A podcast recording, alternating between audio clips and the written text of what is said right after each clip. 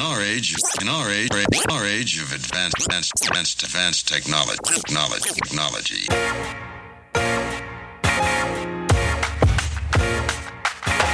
Digit, digit, digital Dialogues. Welkom bij Digital Dialogues, een podcastserie van Adformatie en Google over digital maturity. Nou, in deze podcastserie hoor je hoe je digitaal volwassen wordt in het algemeen en wat betreft marketing in het bijzonder. In deze zes afleveringen verken ik, Mijke de Jong, samen natuurlijk met experts en specialisten het pad dat bedrijven moeten bewandelen om een digitale en datagedreven marketingorganisatie te worden. Nou, in de vorige podcast hoorde je welke mensen je nodig hebt en echt aan boord moet hebben. De, voor mij de drie belangrijkste zijn eigenlijk een analist, een data-analyst, die eigenlijk alles uitzoekt. Dus eigenlijk ja, een soort marketing, eh, marketing intelligence. Een eh, CRM en een Google-specialist. Ja, je zult dus echt naar de samenstelling van je personeel moeten gaan kijken. Maar daar blijft het niet bij. Want hoe maak je een team datawetenschappers en marketingmensen nou eigenlijk echt een team? Ja, die spreken nou niet meteen elkaars taal. Je wil mensen hebben met hetzelfde DNA uh, in het team.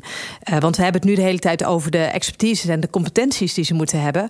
Maar het is minstens zo belangrijk dat je echt een team neerzet. Um, en nou, ik maak vaak de vergelijking met een vriendenclub. Weet je, dat zijn ook vaak mensen met dezelfde soort DNA. Maar je vrienden kunnen ook hele verschillende personen zijn. Goed, dan is het nu tijd voor de laatste en zesde stap. Maar de eerste stap van onze reis, die trouwens gebaseerd is op een framework ontwikkeld door Google en BCG, het vinden van de juiste data was, eindigen we nu bij bedrijfscultuur. Want als je eenmaal jouw marketingteam en strategische partners op orde hebt, dan staat misschien wel nog een moeilijker opgave te wachten. Namelijk draagvlak creëren binnen het hele bedrijf en binnen de hele organisatie. Want digital maturity vraagt natuurlijk niet alleen om een andere werkwijze, maar ook om een andere manier van rapporteren en het kijken naar bedrijfsstructuren en carrièrepaden. Kortom, hoe krijg je het hele bedrijf mee in de transformatie naar digitale volwassenheid? Daar ga ik het over hebben met vandaag Kevin Capota, Chief Marketing Officer bij L'Oréal. Welkom. Dankjewel. En met Laurent Scholte, Chief Strategic Officer bij Scale-up Wonderkind. Ook welkom. Dank u. Leuk dat jullie er zijn. Kevin, ik begin even bij jou, want uh, L'Oréal, ik associeer dat eigenlijk vooral met uh, heel veel beautyproducten. Al meer dan 100 jaar bestaan jullie. Maar uiteraard ook in jullie branche worden stappen gezet naar digital maturity. Hoe is dat bij jullie begonnen? Um, nou, dat is ongeveer zes jaar geleden begonnen. Toen, nou, daarvoor deden we natuurlijk wel digitale campagnes, maar toen werden we echt serieus.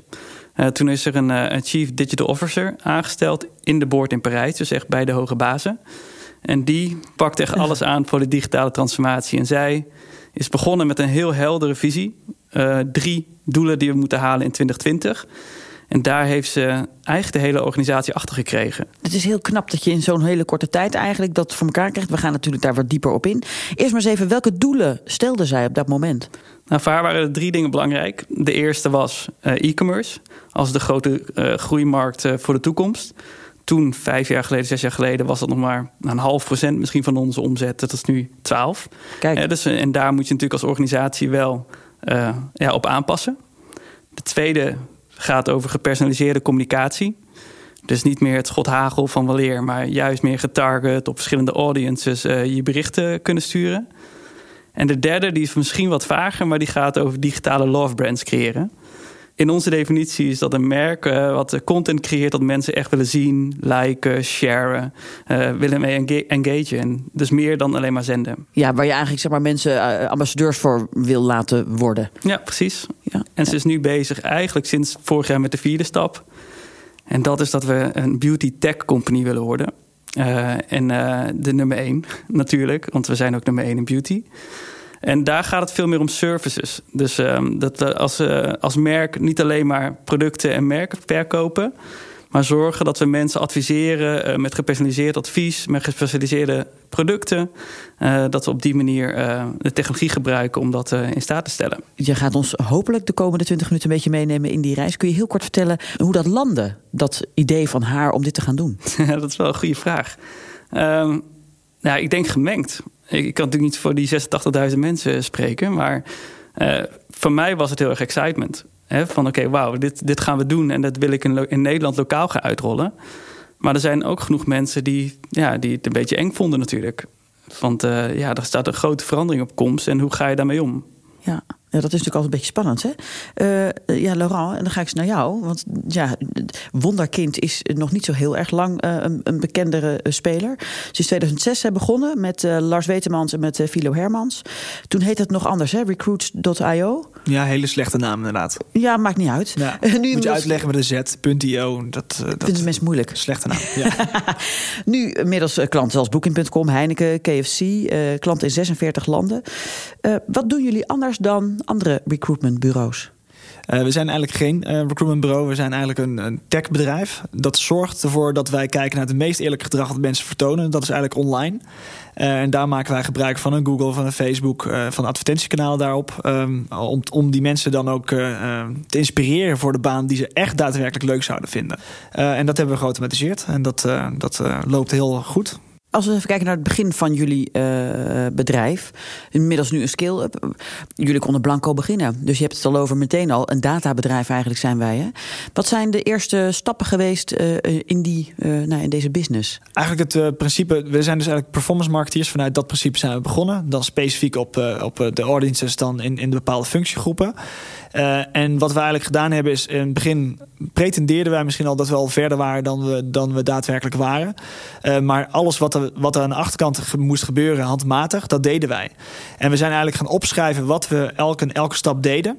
En elke stap die eigenlijk het snelst opgepakt kon worden om, om eigenlijk dat uh, programmatic te maken, uh, dat hebben we toen in stapjes gedaan. Ja, ik, ik zoek een beetje bij jou ook naar waar werd het dan spannend? Hè? Als je het hebt over digitaal worden, dit is eigenlijk alleen maar digitaal.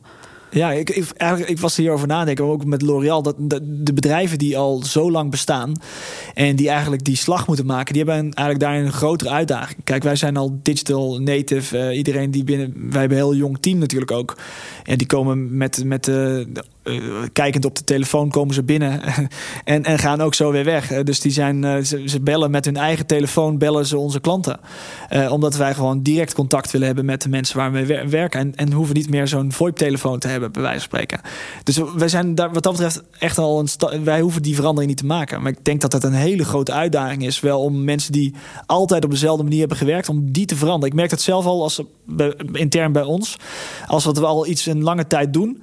En dat kan misschien al een maandje zijn. Om het dan, dan weer iets te veranderen. Dat, hoe moeilijk dat is. Ik kan me helemaal voorstellen hoe dat met digitale transformatie uh, in een zo'n groot bedrijf. Uh, ja, Kevin, want dat is natuurlijk een enorme opgave voor jullie. Kan ik me zo voorstellen. Ja, dat klopt. Ja, het, is, het is een ontzettend. Ik denk dat alle multinationals dat hebben. Het is een ontzettende complexe organisatie met landenteams. Uh, je hebt de merkenteams in Parijs en New York. Uh, en dan heb je nog wat we noemen dan zones die over de verschillende landen heen gaan.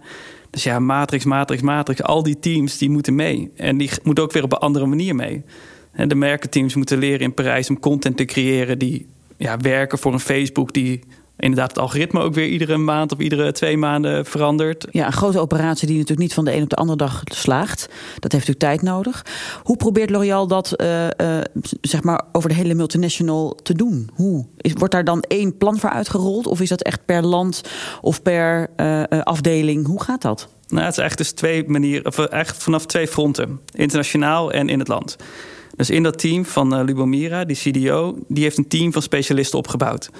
En die bouwt voor de hele wereld, die verzamelt ook alle best practices, de kennis en de technologie, geharmoniseerd, zo kostefficiënt mogelijk, die ze dan beschikbaar stelt voor de landen. En de landen zijn dan verantwoordelijk om dat uit te rollen uh, en toe te passen, samen met de marketeers, om het volledig te integreren in de business. Want dat is de truc. Hè, dat het uh, niet uh, ja, een soort van gezwel ergens bovenop is, maar compleet geïntegreerd in alles wat we doen. Eigenlijk het hele DNA. Ja. ja en wat is dan het DNA? Hè? Ja, nou ja, dat is, misschien is dat ook wel. Hè, ik zat net te denken. Het heeft te maken met ook de cultuurverandering waar we nu middenin zitten. Hè, waarin test en learn belangrijk is, maar ook minder micromanagement. Want dat kan gewoon niet meer met dit, omdat alles nieuw is. Dus uh, freedom within a frame is een groot ding uh, bij ons aan het worden. Waarin we een duidelijke kader schetsen, maar daar, waar je wel binnen de ruimte krijgt om dingen te proberen. En uh, daar past digitaal natuurlijk heel goed in, omdat je van tevoren bijna nooit weet wat eruit komt als je het voor het eerst doet. En dat is ook niet per se erg. Is dat niet erg? Wat, kun je een voorbeeld noemen? Wat, wat is er bijvoorbeeld geprobeerd en wat lukte niet? Um, nou, één groot voorbeeld is van drie, vier jaar geleden als Makeup Genius. Dat was uh, onze eerste AR-app. Ja, die ja, best wel cutting edge was. Uh, nog voor het grote Snapchat hype. Ik heb hem volgens mij ook gebruikt. Ja. Een keer te testen. Dus is dat zeg maar dat je dan een foto van jezelf, tenminste je ziet jezelf en dan kun je zelf make-up uh, toevoegen of zo, hè? Ja. Nou, en zelfs real, real op je op video, Ja. dus niet eens op foto. Het bewoog ook mee, hè, de make-up, zeg maar. Het zat echt Ja. op je gezicht, terwijl het er dus niet op zat. Nou, en nou, dat was echt een, een top-innovatie. Eh, maar eh, we waren intern nog helemaal niet ingericht om die app up-to-date te houden. Want de piek van downloads, volgens mij in Nederland hadden we in drie weken tijd een half miljoen downloads. Zo. Wat echt best wel eh, veel is. Alleen iedereen gebruikt het maar één of twee keer en daarna nooit meer. Nee, dat gevoel had ik ook. Ik dacht, nou, één keer leuk, oké, doei. Ja, Maar wat zou je dan, wat hadden jullie anders kunnen doen dan? nou, je had daar interactiemogelijkheden kunnen toevoegen. eh, dat mensen elkaar kunnen helpen, kunnen coachen. En die ideeën waren er eigenlijk al best wel snel. Alleen waren we intern niet ingericht als een Spotify... die iedere twee weken een nieuwe release eh, van een app eh, uitvoert. En, en toen was het momentum natuurlijk compleet weg. We gaan straks verder praten uiteraard over eh, de grootste uitdagingen die er zeker voor jullie nog liggen. Want we zijn er natuurlijk nog lang niet als je digitaal wilt groeien. Eerst maar eens even de benchmark.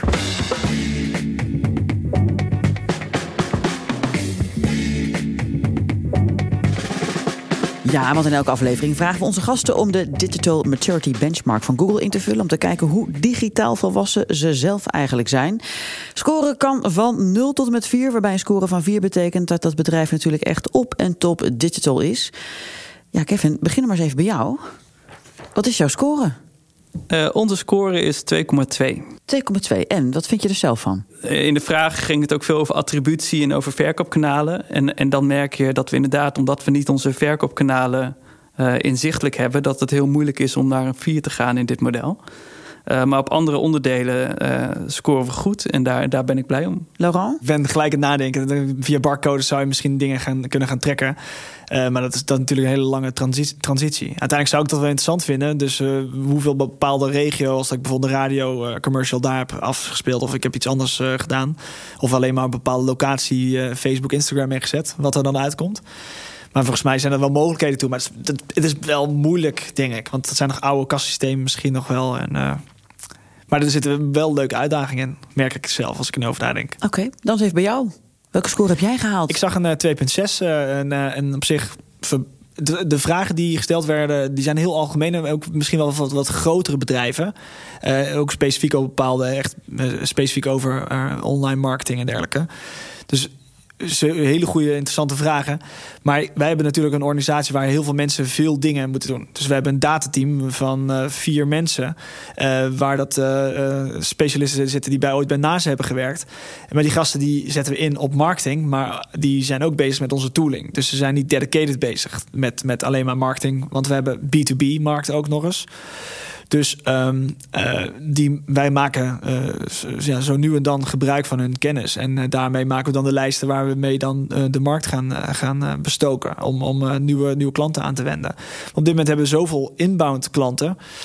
dat wij eigenlijk niet heel actief met online marketing bezig zijn. Omdat, het, omdat we nou eenmaal zo druk zijn.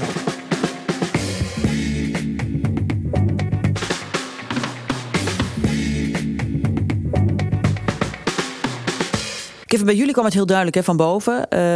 Het C-level niveau, we gaan digitaal transformeren. Zes jaar geleden, je vertelde het.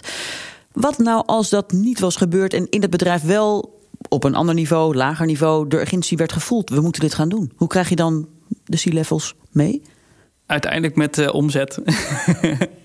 Toch met euro's, met effectiviteit. Dat is de taal die ze spreken. Dus of het is efficiënter in je media-omzet, eh, in media-investeringen... of het levert extra e-com opzet op. Dat, dat, is, eh, dat is de taal die ze spreken, euro. Dus daar moet je het uiteindelijk naar vertalen.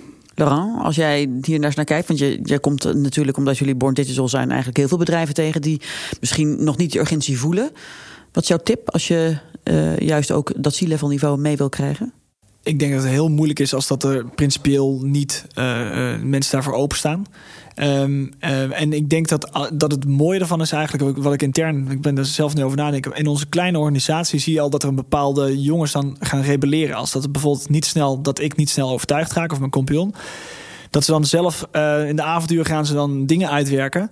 En het mooie ervan is dat ze, eh, en dat denk ik dat op C-level altijd zo is, eh, dat er moet gewoon een pragmatische uitleg zijn waarom het wel werkt. Dus uit uitwerken van wat het resultaat kan zijn als dit en dit en dit gebeurt, wat brengt het dan? Eh, dat is eigenlijk volgens mij dan de tip naar de, de, mid-level. of de onder eigenlijk, hoe kun je C-level overtuigen? Gewoon uh, duidelijk maken wat uiteindelijk wat het gaat opleveren om de doelstelling van C-level uh, te kunnen bereiken. Het is eigenlijk een top-down en een bottom-up beweging. Want uh, je hebt van, van de top echt de support nodig. En, en, uh, en de general managers van de vier divisies en de CEO... die snappen echt wel wat we aan het doen zijn. Die ben ik ook aan het reverse mentoren. Dat ze snappen wat ik wil bereiken, waarom we het willen bereiken... zodat ze me ook kunnen gaan supporten als ik hun hulp nodig heb. Maar zeker ook uh, bottom-up. We geven zoveel trainingen aan, aan onze marketeers en aan onze e-commerce mensen... zodat ze die nieuwe skills in ieder geval weten wat ze moeten doen... En dan is natuurlijk nog steeds de uitdaging dat ze het ook gaan toepassen in hun uh, dagelijks leven. Ja, je hebt dus eigenlijk top-down, bottom-up, zeg jij. En dat is op zich een hele goede manier voor jou in ieder geval om mee te werken. Maar je zou je kunnen voorstellen dat dan in het midden dat het ergens een beetje gaat botsen. Dat gebeurt soms ook wel, ja. Ja? Ik denk dat dat de, de moeilijkste laag is om mee te krijgen. Omdat die al best wel lang op een bepaalde manier werken en daar op die manier ook uh, naar de ladder uh, zijn opgeklommen. Hoort dat erbij? Ik denk het wel. En um, ja, het, het hoort erbij. Niet iedereen eh, is zo flexibel om te veranderen. En het heeft echt niks met leeftijd te maken. Het heeft puur met hoe nieuwsgierig ben je, hoe flexibel ben je. Uh, wil je meegaan in die verandering? Tot slot, nog even een tip. Welke tip, of juist misschien een, een, een, een do of een don't, willen jullie meegeven aan CMO's uh, in deze uh, nou, spannende weg, zeg maar, die heel veel bedrijven op dit moment aan het belopen zijn? Laura, begin even bij jou. Wat moeten bedrijven juist wel of juist niet doen als ze digitaal volwassen willen worden? En dan hebben we het dus over dat hele spectrum wat er voor nodig is, want er is natuurlijk heel veel voor nodig. Dus één tip is natuurlijk veel te weinig. Maar toch, doe een poging. Uh, vanuit mijn vakgebied uh, denk ik dat het belangrijk is dat je gaat werven vanuit uh, nieuwe mensen binnenbrengen die een bepaalde nieuwe identiteit ook kunnen binnenbrengen. Als je alleen de mensen gaat veranderen die al lang daar werken, dan is dat een hele moeilijke, denk ik. En daar moet gewoon wat, wat een frisse wind doorheen komen om, om te zorgen dat, dat de huidige mensen al goed kunnen veranderen. Nou, vreemde ogen dwingen. Ja. Ja, oké. Okay. Kevin, jouw nou, tip of misschien juist een don't, hè? dat kan natuurlijk ook. Nou, het komt vanuit een don't, maar het is een tip nu. Uh, dat is geduld. Dus uh, ja, het kost tijd. Uh, inderdaad, wat Laurent ook zegt, om een grote organisatie te veranderen. Um, mijn baas zegt ook altijd: kijk af en toe even achterom of iedereen er nog is. Want ja, ja, het risico is dat je veel te snel wilt gaan. dus gun de organisatie ook de tijd om aan te passen en een nieuw gedrag aan te leren. Is moeilijk, want ik wil ook zo snel mogelijk, maar dat zou wel mijn tip zijn. Dat heb ik ook elke dag. ja, te snel? Ja, soms wel. En soms vergeet ik ook achterom te kijken. Dat zijn dan hele mooie tips alweer hier zo bij elkaar. Dankjewel. Ja, dit was de laatste aflevering alweer van Digital Dialogues. Een podcast van Adformatie en Google. Waarin we met experts uit het bedrijfsleven, de wetenschap en ook van verschillende consultancybureaus spraken over de uitdagingen en kansen van het digitaal volwassen worden en blijven van bedrijven. Want welke data heb je nou eigenlijk allemaal nodig? Welke processen kun je nou automatiseren, zodat er tijd is voor andere dingen? Hoe richt je customer journey of experience in voor jouw klanten? Welke partners kun je daar dan heel goed bij gebruiken? En hoe bescherm je dan je belangrijkste assets? En welke rol heeft een marketeer in dit proces? En uiteindelijk, hoe zorg je ervoor dat het hele bedrijf deze digitale transformatie doorvoelt en het niet als een tijdelijke hype ervaart? Nou, wil je alle afleveringen nog even terugluisteren en in de toekomst ook helemaal niks missen? Abonneer je dan via iTunes of Spotify of waar je deze podcastserie dan ook luistert. En hou natuurlijk de Adformatie-website en Think with Google in de gaten. Mijn naam is Meike de Jong. Heel graag tot een volgende keer.